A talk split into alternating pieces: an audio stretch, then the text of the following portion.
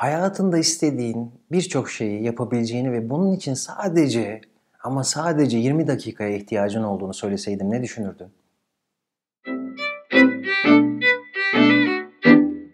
Hepimiz hayatımız adına birçok şey istiyoruz ve bunları gerçekleştirmek için çok fazla çaba harcıyoruz.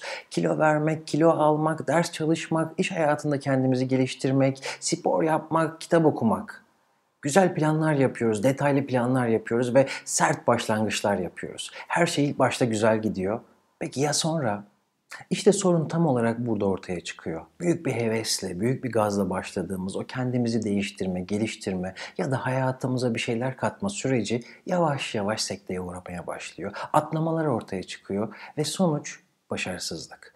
Başarısızlıkla kalmıyor sadece. Kendimize ilişkin inancımızı da zayıflatıyor bu durum. Psikolojide öğrenilmiş çaresizlik dediğimiz bir durum ortaya çıkıyor. Ben ne yaparsam yapayım hayatımı değiştiremeyeceğim. Hayatıma bir şeyler katamayacağım. Kilo veremeyeceğim. Ders çalışamayacağım. Ben de böyle bir yetenek yok gibi bir durum ortaya çıkıyor. Kendini geliştirmenin ya da hayatına bir şey katmanın önünde bence iki temel engel var.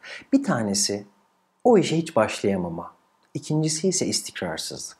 İşte bu iki temel engeli aşacak bir kural biliyorum ben ve bu kural süper bir kural gerçekten. Ben kendi hayatımda da uyguluyorum. 20 dakika kuralı.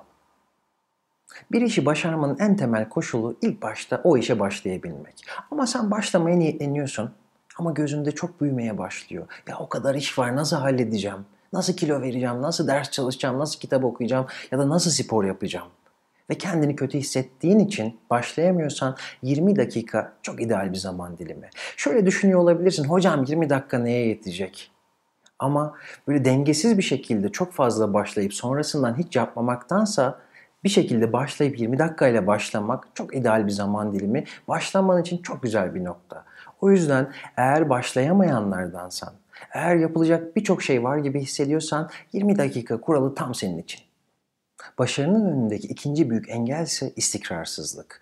Ne yaparsanız yapın. İsterseniz başlarken çok büyük zaman dilimleri ayırın hayatınızdan. Ama istikrarı yakalayamazsanız o işte başarılı olmanız çok zor.